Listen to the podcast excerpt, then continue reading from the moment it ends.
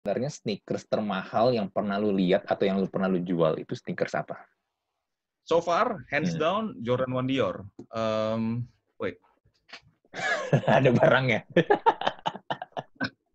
this is Jordan 1 Dior. Welcome to Talk to Talk Podcast. Let's talk now.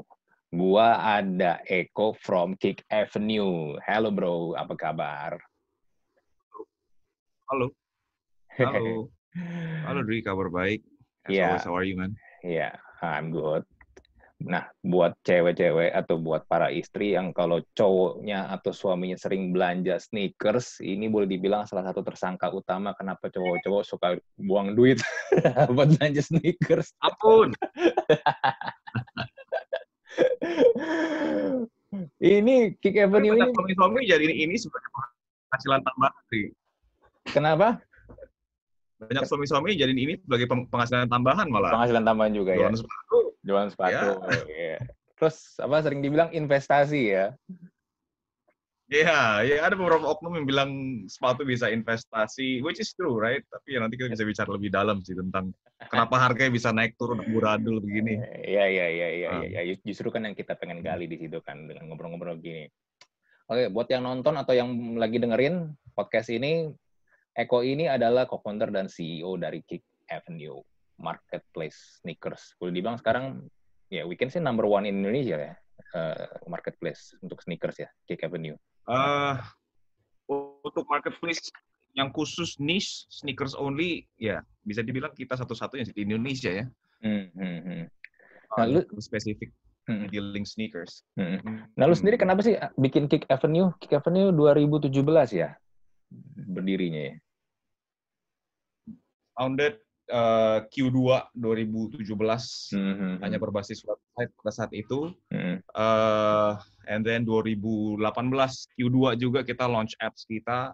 Ya sekarang sudah berjalan sampai 2020 dengan eh, few more verticals di dalam eh, environment Kick Avenue sendiri. Salah satunya ya streetwear, eh, handbags, kemudian eh, terakhir baru kita launching juga segmen lifestyle. Intinya sih semua yang valuables ada di kita. Jadi nggak cuma bicara tentang sneakers. Hmm, hmm, hmm. Gitu. Nah, kenapa lu bikin Kick, Avenue? Kenapa lu kepikiran, oh kenapa di awal gue bikin Kick Avenue, gue bikin sneakers, jual sneakers, bikin marketplace sneakers. Why?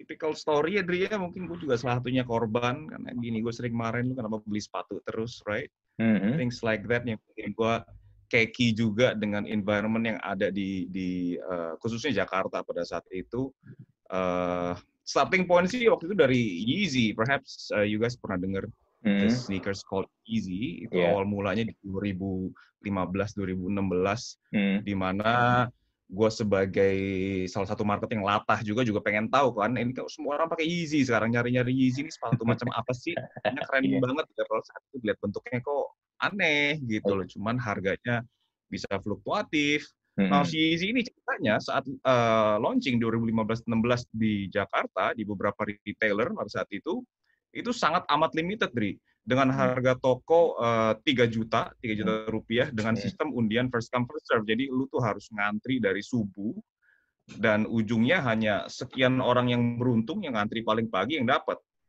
right? Nah Hmm. pada saat itu orang-orang yang dapat ternyata yang gue perhatiin bukan bukan end user pula. Jadi dia begitu dapat dia nggak pakai, right? Dia dia ke depan dia coba tawar-tawarin lagi ke yang ngantri lagi di belakangnya dan yang ngantri lagi juga nawarin lagi ke yang belakangnya. So terus bergulung seperti itu hingga yang tadinya barang 3 juta gua nih sebagai konsumen yang susah bangun pagi right ditawarin 20 juta, Gila. 20 juta, 25 juta gitu. Itu Dan angka udah kayak dari calo ke calo ya? Udah dari, dari calo, calo ke calo. iya calo ke Iya. calo kan jadinya itu. pindah tangannya juga cukup banyak atau buat orang-orang yang memang tahu pada saat itu harga pasarnya Hmm. ya dia langsung dia langsung buka harga let's say 6x atau 7x jadi Hmm. 18 juta sampai 21 juta atau range-nya Hmm. kemudian gue juga dihadapin sama eh, oke bicara sepatu sizing of course eh, lu, lu cari sepatu dengan size yang lu lu mau kan pastinya Betul.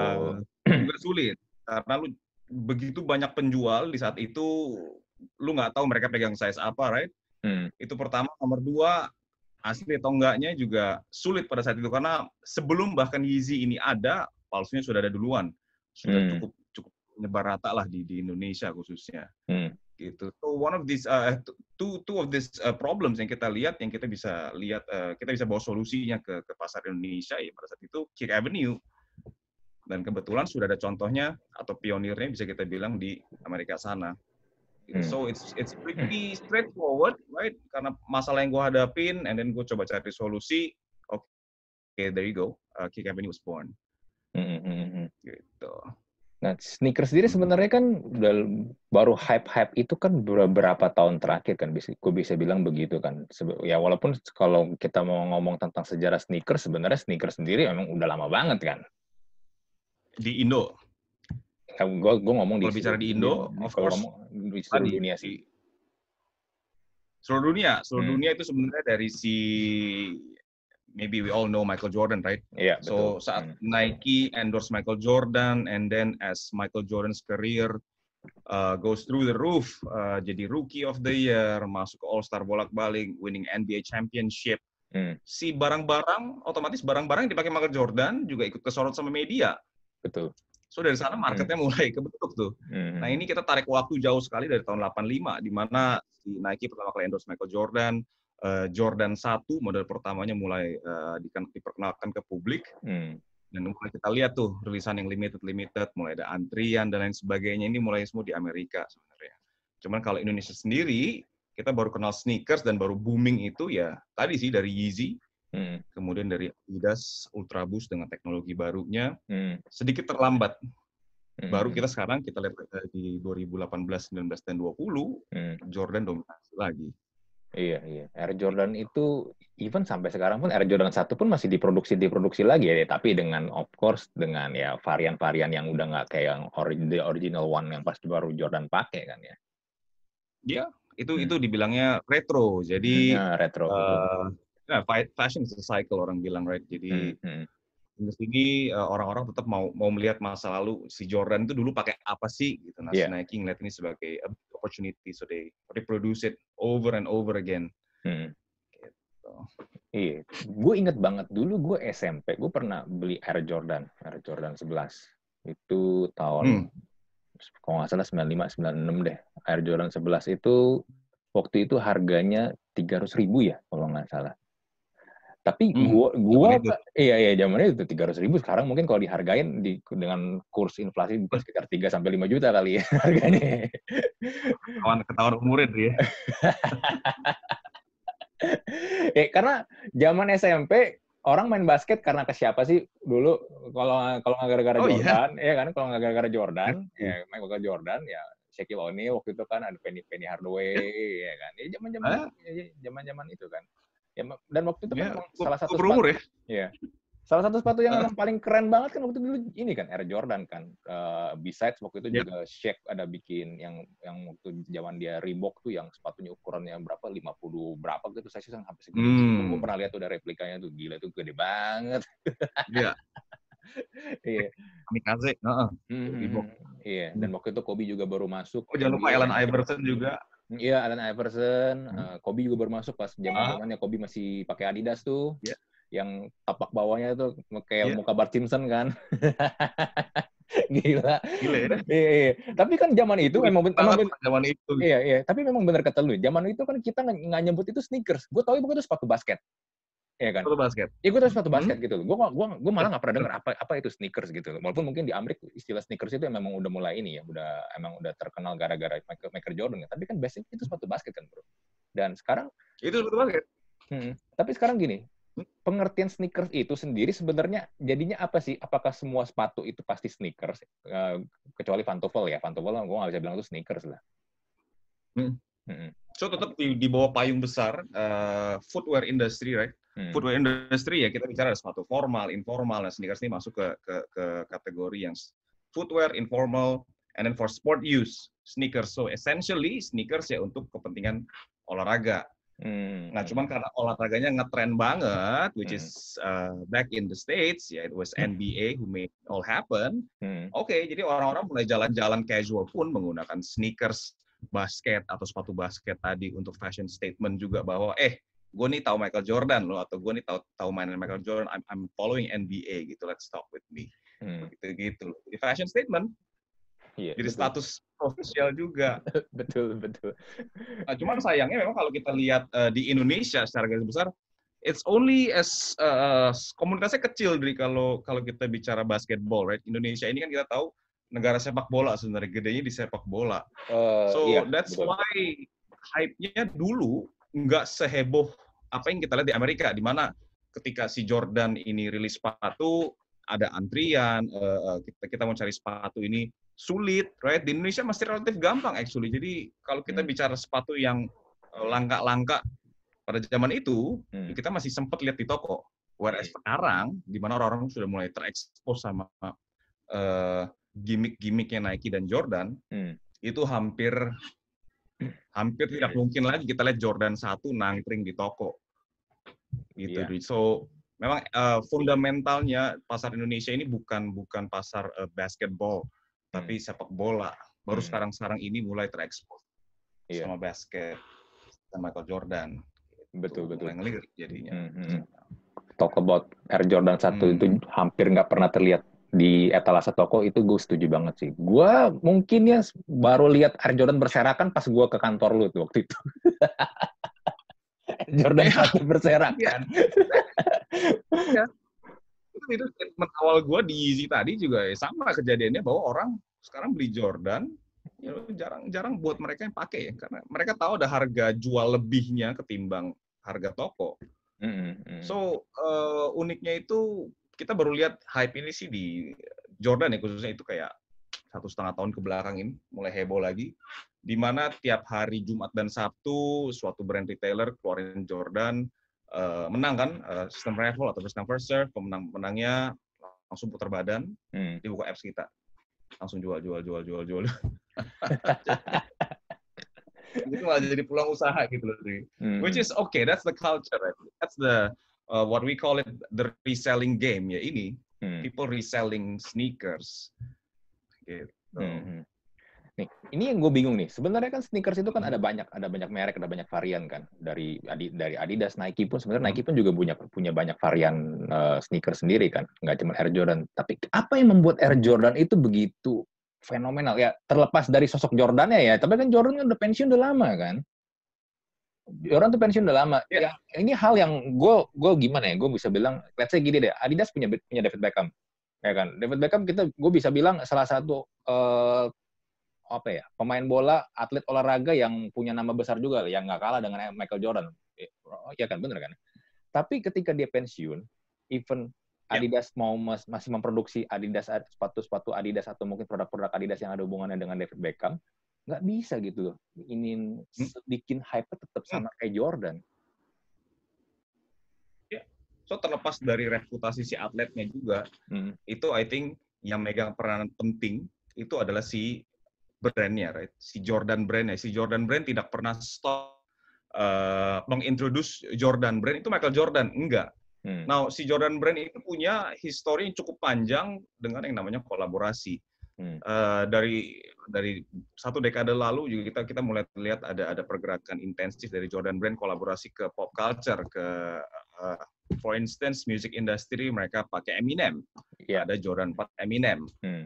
So si brand ini nggak pernah stop di pasar eh, atlet doang, atletik doang, tapi dia Hmm. juga masuk ke music culture, mereka masuk ke politik, mereka masuk ke ke, ke fashion fashion yang lainnya. Jadi kolaborasi juga pegang peran penting dari untuk sebuah brand Hmm. tetap berinovasi, eh, memperkenalkan produk dan brandnya ini ke masyarakat yang lebih luas lagi terlepas dari hanya komunitas eh, basketball ya. Hmm. Nah, dari sini kita mulai lihat tuh rapper-rapper eh, sangat mengagungkan yang namanya Air Jordan atau untuk Nike Air Force One.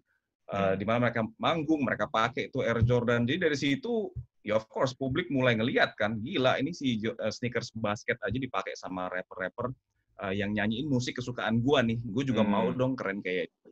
That's why eh, Jordan ini terus dikejar sama eh, berbagai apa ya generasinya terus terus terus bergulung gitu loh, Dri. Nggak Iya. nggak cuman orang-orang yang kenal Beckham doang yang tahu tentang si David Beckham, tapi Hmm. generasi bawah juga tahu, generasi bawahnya lagi juga tahu. So innovation is is is very important for a brand to to develop, to evolve, and Hmm. to still uh, apa ya, still be relevant in today's market.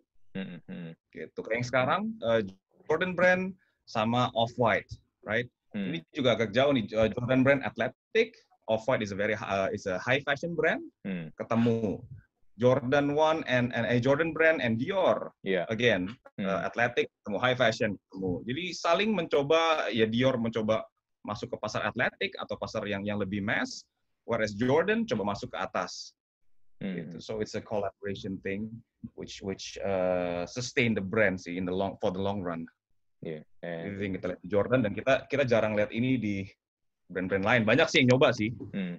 Cuman ya again kolaborasi cara cara mereka rilis campaign si kolaborasi juga juga ada peranan right how uh, a collaboration uh, dilihat sebagai barang yang limited. Nah, itu juga penting tuh. Iya, iya. Jadi orang kalau misalkan produk semakin banyak ya orang makin lose interest, the market lose interest karena produknya saturated sekali. Tapi uh, you know Jordan tetap tetap pegang teguh. Gue kalau misalkan rilis barang ya have to be limited gitu. Hmm. Iya, bener Ini kata lu. bikin- Iya, bener kata lu. Tadi Mhm. gue juga ngeliat sebenarnya banyak brand lain pun juga men- mencoba mengcopy apa yang Air Jordan lakukan dengan kolaborasi dengan yang lain-lain. Tapi nggak mungkin belum berhasil. Tapi memang ya nggak ada yang bisa sampai se itu Jordan ya maksudnya ya. Iya. Dan, Karena Iya, dan maka even ya benar kita tadi lu juga bilang, even Michael Jordan sendiri nggak mempromosikannya sama sekali. Kan Jordan kan udah jarang banget kelihatan di publik kan. Terakhir kali gue bisa lihat Jordan ngomong lagi ya pas ketika nonton The Hmm. Last Dance. Iya kan? hmm, Ketika nonton The Last Dance. dokumentasi. Iya. Right, So, so Nike, Nike and Jordan punya banyak quote on quote kaki tangan influencer dan selebriti yang memang juga cinta dengan si brandnya. Hmm. Contohnya saat si Jordan dengan Off-White kolaborasi, yang pertama kali pakai itu ya pasti desainernya Off-White, kemudian juga sebar ke Roger Federer, Iya. which is a tennis player, nggak ada hubungan dengan basket dan fashion. So Hmm. Roger Federer juga pakai, dan of course mereka juga nggak lupa music culture, mereka uh, seeding produk ini ke Drake, ke Travis Scott, Hmm. uh, begitu banyak tangan tapi dengan pasar yang berbeda-beda beda-beda gitu. So and in an instance and then instant instantly publik jadi tahu oh di ini ada produk baru nih dari Jordan. Artis-artis papan atas sudah pada pakai nih. Hmm. Hype-nya terbentuk Iya, iya. gitu Di. Jadi nggak cuman uh, you know nggak cuman toko atau brand yang bicara eh gue ada kolaborasi ya sama si A atau sama si B. Nih produknya seperti ini enggak.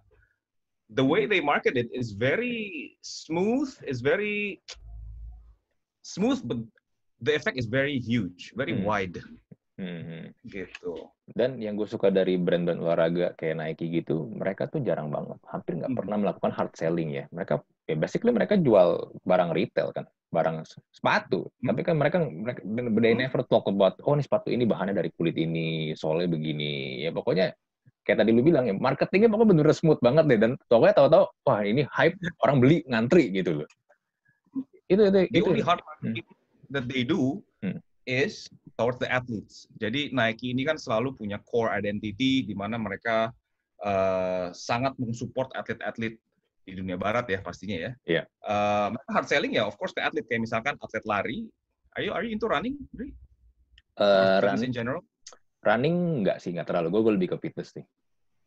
So now Nike uh, udah berapa tahun juga mereka gencar di komunitas running. Mereka bentuk sendiri Nike Running, right? Ya, The kalau itu gue tahu. hard marketing itu towards the running athletes. Jadi Hmm, hmm. kayak uh, marathon itu dimenangin oleh ada this, this uh, marathon runner namanya Kipchoge. Hmm. Nih sepatunya ini loh yang dia pakai. This is the ini sepatu yang memecahkan rekor baru. Hmm. This Nike Vaporfly gitu misalkan. So itu hard marketing mereka. Cuman kalau udah bicara uh, Jordan atau Nike as a fashion symbol, as a fashion statement, the way they do things, wah ya itu tadi is very smooth towards the Hmm, hmm. KOLs, influencer, and celebrities that they know. Hmm, hmm. Mhm. Nah ini ada yang menarik nih, gue pengen juga tanya ke lu nih. Lu kan di Kick Event itu mengklaim kalau lu tuh kayak harga itu lu kayak semacam sistemnya kayak bursa ya, kayak kayak saham, kayak saham lah. So what what what does it mean lu melakukan sistem bursa untuk harga-harga sepatu yang lu jual di Kick Avenue itu?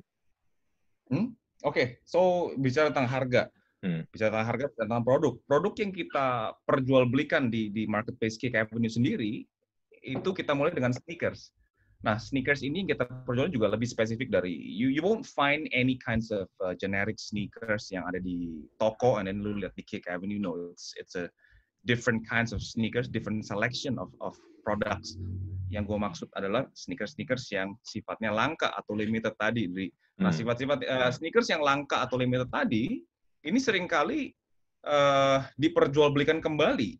Jadi sneakers-sneakers ini begitu si uh, user yang beruntung tadi dapat, langsung dari toko. Right? Hampir hampir jarang jarang dari mereka yang pakai dan, dan mereka perjual perjualbelikan kembali. Ini yang kita sebut secondary market. Hmm. Sama kayak saham, ada IPO, right? Hmm. Orang-orang dapat trading kan di secondary market di bursa saham, bursa saham itu secondary market. Betul. Nah, Hmm. untuk menyelaraskan eh, harga jual dan beli, kita Hmm. coba bentuk sistem kan seperti bursa saham, di mana user yang mau menjual untuk specific size, let's say Jordan 1 merah size 8, Hmm. eh, rilis 100 barang, right? Eh, satu size 8 ya, ada yang harga jualnya 4 juta, 5 juta, 6 juta, 7 juta, dan selanjutnya kan. Nah, di Hmm. bursa saham kan hanya menampilkan satu, Hmm. yaitu harga yang paling rendah. Hmm.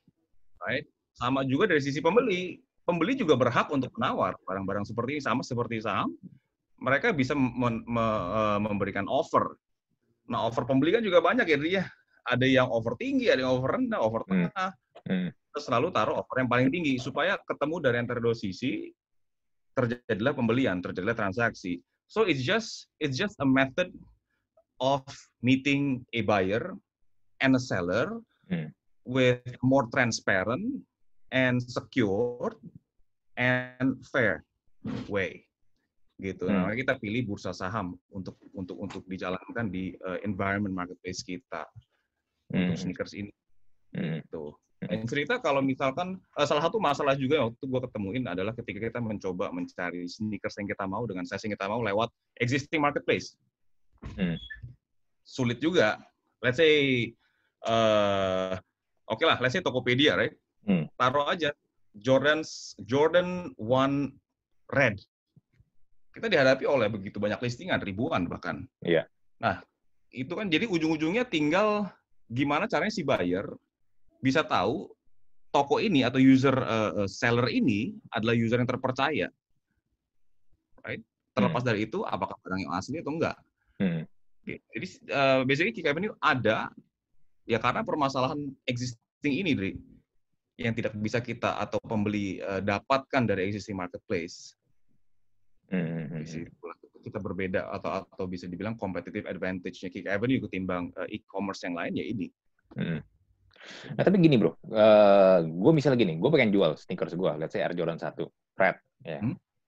gue pengen jual misalnya di harga 8 juta, tapi sebenarnya harga pasarannya, market price-nya itu mungkin maybe nggak segitu, bisa jadi lebih murah, bisa jadi lebih lebih tinggi kan.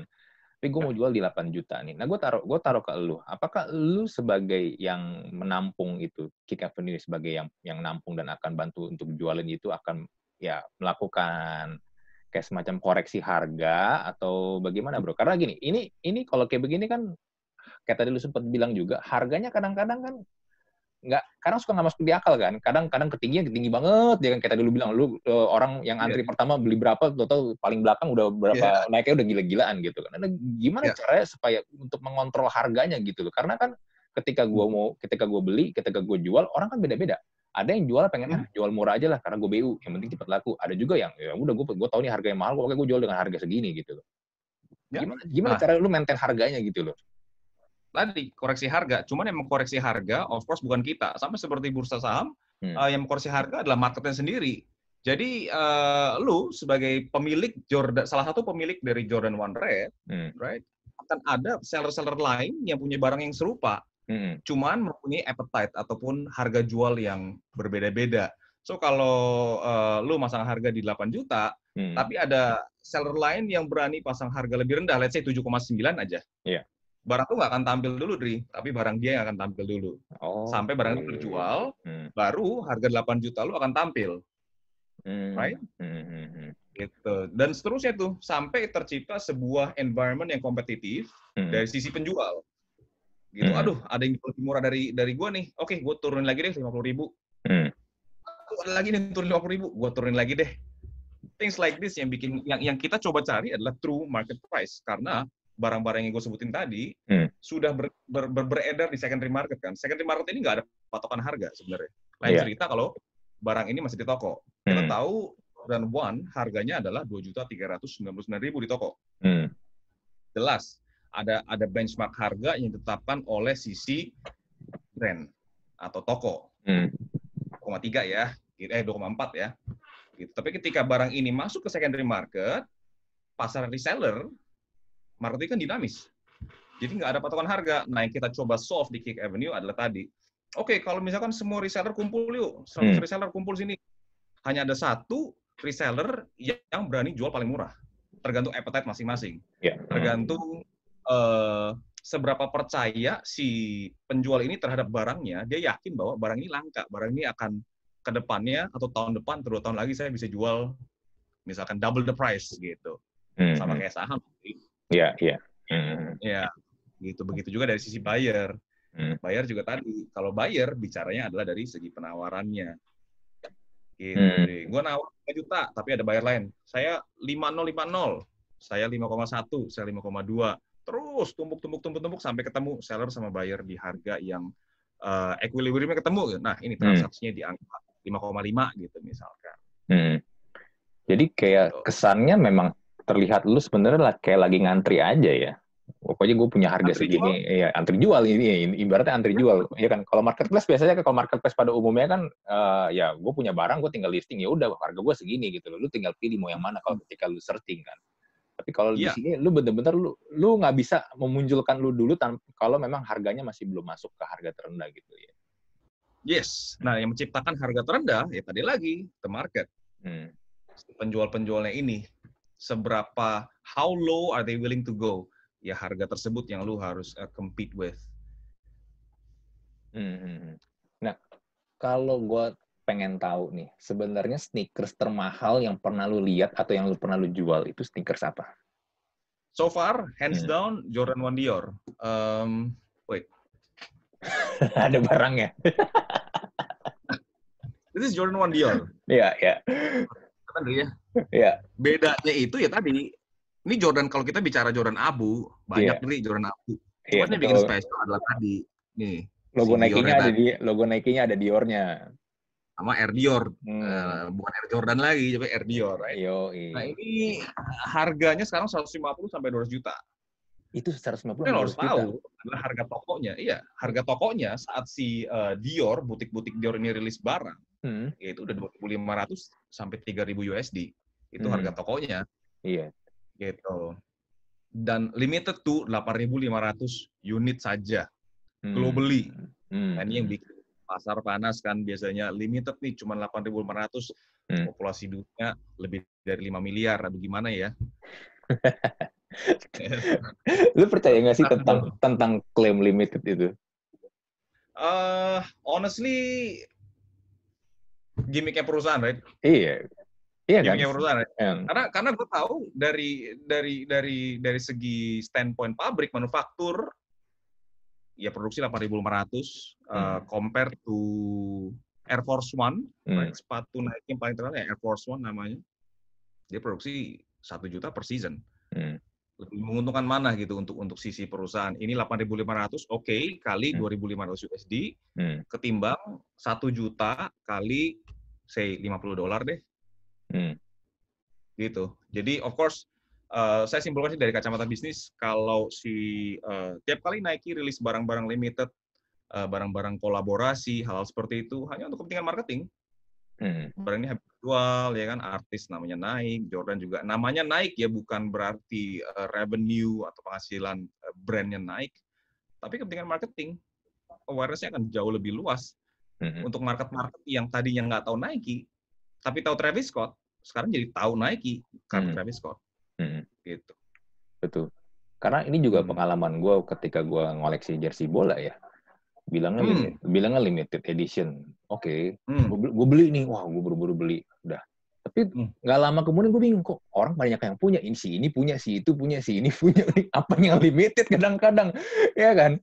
Dulu gue pas World Cup 2010 itu kan di Afrika kan, Eh, Puma tuh Hmm. keluarin special edition yang tim-tim yang Afrika karena memang banyak tim Afrika itu di, di ininya di endorse sama Puma kan eh, untuk jersey-nya kan. Jadi mereka tuh keluarin, gue inget banget tuh Pantai Gading itu kalau pakai kotaknya kotak kayu bro. Literally kotak kayu. Isinya tuh kalau lu kalau lu kalau lu buka isinya jersinya. Kalau lu buka itu udah suara gajah. Karena kan Pantai Gading kan, gajah. Ada suara gajahnya. Ini katanya limited. Wah, keren banget lah. Gue beli itu. Gue beli di Singapura waktu itu. Gue inget banget. Oke. Uh-huh. Gue beli. Nggak lama, dua minggu kemudian, pas World Cup mulai jalan, mulai ada orang lain ngepost. Biasa kan kalau kita beli, kalau ke barang koleksi, kalau punya barang, kita post di kita post di sosial media kan, ya biasa. Ya, pamer dong. Pamer dong. Heeh. Kalau nggak beli, beli Iya. pamernya buat apa? Ya kan barang koleksi. Kok gue lihat kok ini pada punya, pada punya.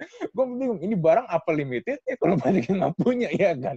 Dalam waktu yang dalam waktu yang sebentar banget, cuma dua minggu. Dan ini gue ngomong talk about teman-teman gue yang di Indonesia. Nah, Oh, berarti kan ya ini berarti kan nggak limited dong, ya kan? Karena gampang banget ternyata Ya, kan? Iya kan? yang pertama kalau yang muncul top of mind gue, apakah teman-teman gue tadi Hmm, pakai barang pa- eh, asli atau palsu? Itu dulu tuh. iya. Karena kalau bicara asli atau palsu, palsu unlimited man, gitu. Cetak-cetak aja. Iya. Nah, Nah, ini, ya kan ini nomor- gue yakin asli sih karena sesama kolektor asli soalnya ya yang yang Nah, nomor dua, how Hmm. limited is this limited gitu loh. Hmm, Seribu, dua ribu, lima ribu, sepuluh ribu, seratus ribu gitu. Karena Hmm. bisa aja limitednya hanya embel-embel aja limited gitu loh. hmm, Tapi kadang-kadang brand, eh, khususnya Jordan atau Nike gitu ya, kalau tiap, tiap kali mereka merilis suatu eh, barang-barang limited, hmm. ya mereka kasih lihat, ini loh, cuma ada sepuluh ribu loh, siap-siap ya, gitu-gitu, Dri. Kadang suka dikasih angka di barangnya. Ini produk misalnya, misalnya kan seribu nih, cuma dibikin seribu. Ini adalah barang ke 85 dari seribu. Suka dulu itu 85 per seribu Iya. di ininya. Walaupun gue nggak tahu juga ya bener atau enggak ya kadang-kadang kayak gitu. Yang penting lu cekin aja teman-teman lu kan, apakah nomornya, eh taunya nomor gue sama lu sama nih. Iya, eh, kok lu Sama nomor 85, gitu, dari cek gini. lu 85, gue 85. Ih, Ketipu dong gue nih. Ya, kadang-kadang Nah, gitu, gitu-gitu sih. mar- But then, marketing gimmick sih kadang memang bener-bener. yeah, Ni- Ni- Nike is one of the best um, marketing company with the best marketing team in the world sih. So nggak nggak heran mereka bisa terus prestasi tiap kali rilis barang-barang barunya. Gitu. Iya, Mau kita iya. bicara gimmick atau enggak, but the demand is there. The demand is still strong. Even kita bicara COVID sekalipun, people are still spending for sneakers. Gitu. That's agak mind blowing buat buat gue sendiri sebagai sisi pengusaha ya. But then the demand is there. Hmm. So we have to keep the the company up and running. Dan Still lo trying kemarin to baru bikin virtual event kemarin kan, bulan kemarin. Itu gimana tuh? Hmm. Itu itu actually online uh, bazar pertama kita Hmm. selama perusahaan ini berdiri. Jadi Hmm. selama tiga tahun baru sekali online uh, bazar itu Hmm. happening August 27 sampai 30 kemarin, fully sponsored uh, so- sponsored by by uh, Bank Mandiri kemarin. Hmm. Hmm. It's pretty amazing. Hmm. Kita kita uh, kita kita memang set target tinggi uh, dan ternyata ya the demand exceeds our our our target gitu. Hmm. Dengan upaya kemarin kita mau adain online bazar sebenarnya kita pengen ngangkat juga teman-teman yang memiliki brand-brand lokal Hmm. khususnya di Hmm. bidang fashion. Hmm. Kick Avenue akan bantu promosikan gitu, baik itu uh, streetwear, uh, sepatu ataupun masker kemarin kita bantu angkat teman-teman ini dan ternyata demandnya begitu banyak. Gak cuma brand-brand lokal yang naik, cuman ya orang still buying Nike, orang still buying Adidas, uh, Puma dan Hmm. sebagainya. It's amazing. We we achieve uh, more than 8,000 transactions Dalam tiga hari. ini. Dalam tiga hari. Empat hari jadinya, 27 Empat sampai hari. 30. Eh, Ya, empat hari. that's crazy, man. Maksudnya barang lu bukan Crazy. barang mu- bu- bukan barang murah. Exactly. Iya kan? Cuman during fair ada barang-barang mana juga kan. Kita Hmm. itu basket size-nya 1,2 1,3 juta per transaksi. Ya tetap aja barang jutaan kan, bukan bukan barang ratusan ribu, Jutaan. iya kan?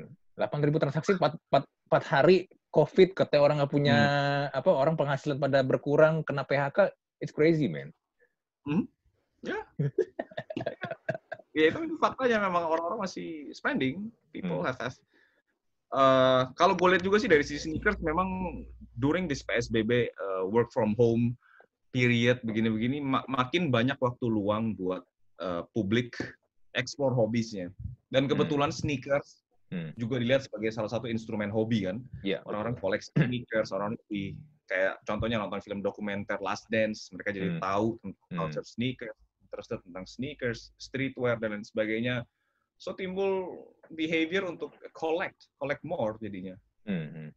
Itu yang kedua, lapisan kedua adalah pasar yang uh, menjadikan olahraga sebagai salah satu aktivitas tambahan during this PSBB WFH.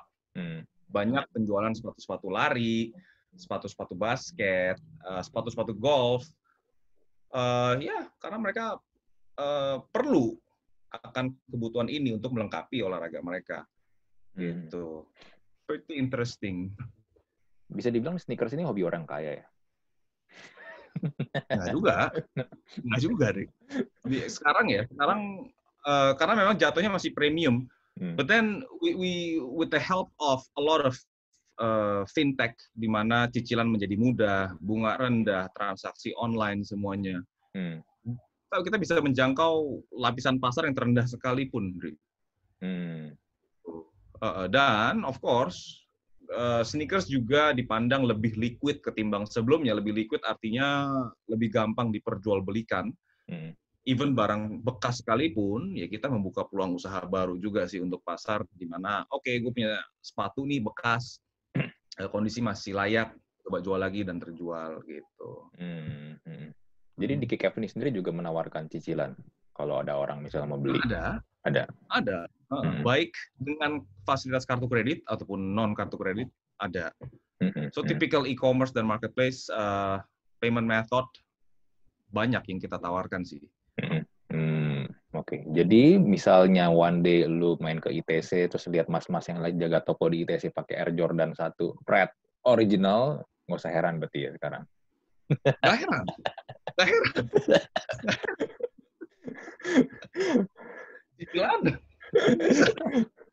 Iya bisa jadi ya kan bisa aja kan ya walaupun terlepas nggak tahu ya itu ternyata KW atau enggak ya tapi ya maybe, but it can happen dong ya kan it can happen. Mungkin lu bisa baca reaksinya lebih jujur ketika lu coba senggol sepatunya, lu coba aja injek sepatunya yang nanti, aduh cicilan saya belum lunas nih mas, aduh gitu-gitu, right? Tapi kalau dia nggak ada reaksi, ya mungkin nggak ada cicilan atau sepatu yang dia pakai bukan asli, jadi nggak ada value-nya. Tapi secara kasat mata bedain KW sama asli itu gimana sih bro? Kelihatan nggak sih? Kalau secara kasat mata ya tanpa Jujur, lu, sekarang. tanpa lu memegangnya ya, tanpa lu memegang, tanpa lu lihat dalemannya, kelihatan nggak sih? Hanya dari foto gitu, Mm-mm. Dari foto atau kok? Ya. Ya dari foto lah, at least dari foto lah.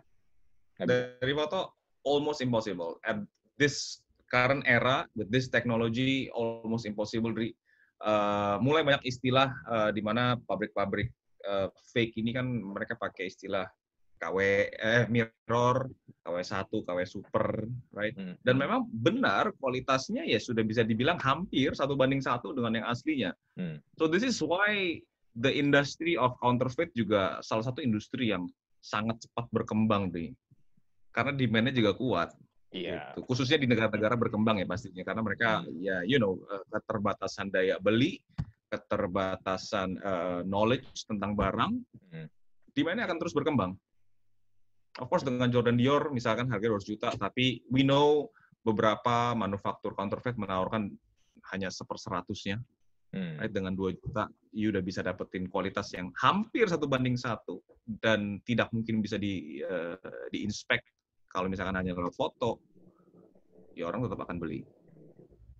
Tapi susah dong berarti dong kalau mau beli mau belinya let's say kayak tadi kalau buat beli di Tokopedia atau di Shopee di marketplace yang lu hanya melihat Hmm. fotonya doang. Hmm. Orang bisa aja memang ketipu karena apalagi kalau dia nggak tahu barang. Dan banyak, Mm-mm. nggak sedikit, korban-korban ini nggak sedikit. That's why Hmm. in Kick Avenue, salah satu komponen eh, bisnis yang penting adalah setiap barang yang terjual diharuskan melalui kantor Kick Avenue. Hmm. Jadi sebagai marketplace seller eh, jual nih, sellernya itu ketika terjual harus kirimin barang dulu ke kantor kita, dicek dulu secara fisik Hmm. oleh oleh, oleh tim ekspor kita baru dilanjutkan ke konsumen plus garansi Hmm. Hmm. gitu. Uh, uh, existing marketplace kan tidak, existing marketplace nggak ada nggak ada step tengahnya tadi. Jadi di mana seller langsung tembak langsung ke buyer. Hmm. So buyer diharapkan sudah memahami tentang uh, barang tersebut. Hmm. Oke, Gitu. for, for your for your information buat yang nonton atau Hmm. yang denger, ketika gua ke kantor Kick Avenue, memang bener ada tim yang ngecekin ini asli atau enggak. Mereka lengkap pakai sarung tangan segala macem buat ngecekin. Udah kayak tim CSI itu gak sih? Memang harus gitu nyari karena almost impossible tadi kalau cuma keluar kan. Hmm. Oh mereka sampai uh, ada glue check namanya. Jadi kita bisa membedakan lem asli dan palsu dari smell karena lem yang dipakai asli dan palsu beda. Gitu. Iya iya iya bener-bener gue ingat banget terus gue di, diciumin sepatunya gue bilang gila ini udah kayak anjing pelacak aja bang ini sneakers. Saking hobinya jadi niat banget gitu loh deh hmm. ngelakuin bisnis ini. So it feels like we just try to enjoy everything that that we're doing here dari hobi menjadi bisnis. Hmm. hmm. Nah, sneakers lokal gimana bro? Punya chance nggak untuk bersaing? Karena kemarin gini, kemarin gue sempat baca tuh ada kasus uh, apa Ventela ya kalau nggak salah merek sneakers lokal ya. Disu, uh, disu sama fan, disu sama disu sama fans ya, karena itu garis garisnya itu apa uh, yang garis di sepatunya itu katanya mirip sama garis yang fans punya. So what do you think? Ini, masih, hmm. Iya kurang lebih kayak begininya kan. Iya iya iya kayak kayak yeah. gitu. Iya. Masih punya chance gak sih untuk bersaing? Ya saya saingannya Nike soalnya Nike, Adidas, fans. Dari dulu dari dulu sebenarnya Nike dan Adidas uh, dan brand-brand gede lainnya juga sudah appoint Indonesia sebagai salah satu manufaktur barang-barang mereka. Mm-hmm. That's why in jersey juga terutama lu bakal lihat banyak sekali jersey-jersey made in Indonesia, right? Betul. So kalau bicara quality, of course we are up there. Uh, kualitas kualitas yang dihasilkan oleh bangsa kita ya sudah mampu bersaing di ranah global. Hmm yang kita nggak punya ya tadi intellectual property atau brandnya sendiri. Ketika hmm. you know uh, Ventela let's say dia kreasi barang yang seperti itu dengan uh, logo yang mirip dengan brand luar disu hmm. jadi kita kalahnya di bagian intellectual property kalau yang gue lihat dari karena dari segi quality craftsmanship apa segala yes we are up there man. Hmm banyak sekali dari khususnya dari fair kita banyak terekspos oleh uh, brand-brand lokal yang tadinya kita pun nggak pernah dengar cuman berhasil dijangkau oleh tim kita dan kualitasnya amazing. Mm-hmm. Gue berarti bilang lebih baik ketimbang uh, brand-brand internasional lainnya. Cuman sayangnya apa ya kalah di branding, kalah mm-hmm. di uh, uh, mungkin kesiapan modal, mm-hmm. kapitalnya nggak cukup untuk produksi uh, apa namanya konten yang lebih banyak. Mm-hmm untuk rekrut uh, celebrities atau KOL untuk mempromosikan barangnya dan brandnya lebih jauh gitu. But then kan, manufacturer side we're up there. Tapi kan ini memang penyakit dari dulu, bro. Maksudnya gue nggak ngomong hanya sneakers doang ya. Produk-produk lain pun juga rata-rata penyakitnya kan gitu kan. Bisa bikin barang bagus, tapi hmm. ya membrandingkannya, memarketingkannya, bikin gimmicknya supaya ini ketika orang pakai itu keren. Apalagi kan di Indonesia punya problem gini. Ketika tahu ini produk lokal, nilai value-nya, gengsinya kan turun kan. Orang juga malas, ah ngapain gue, gue pakai produk ini. Walaupun kadang-kadang sebenarnya banyak juga produk Indonesia yang seakan-akan tuh dari luar, tapi orang pikir ya ini produk luar gitu loh. Iya kan? Tapi kan ya. selalu, selalu kalah di situ. Belum lagi kalau ngomong toko buat ongkos produksi, kalau udah hajar-hajaran sama dari China mainland, Hmm. kalah men hmm. kalah hmm. kalah kalah kalah but then some some rumors ya udah mulai going on kan uh, China sendiri sudah sebagai negara yang maju ongkos produksi sudah semakin tinggi hmm. right hmm. so mereka bukan berarti mereka stop inovasi mereka sudah mulai pakai uh, robot iya pakai robot pakai AI udah nggak bicara tenaga kerja manusia lagi nih labor cost sudah pasti sangat amat tekan jadi hmm. ya kalau bicara bigger scale of course waduh agak berat juga ya Dri ya. Cuman kalau masalah persepsi sebuah brand, hmm. sulit kalau uh, masyarakat negara kita sendiri masih kiblatnya keluar.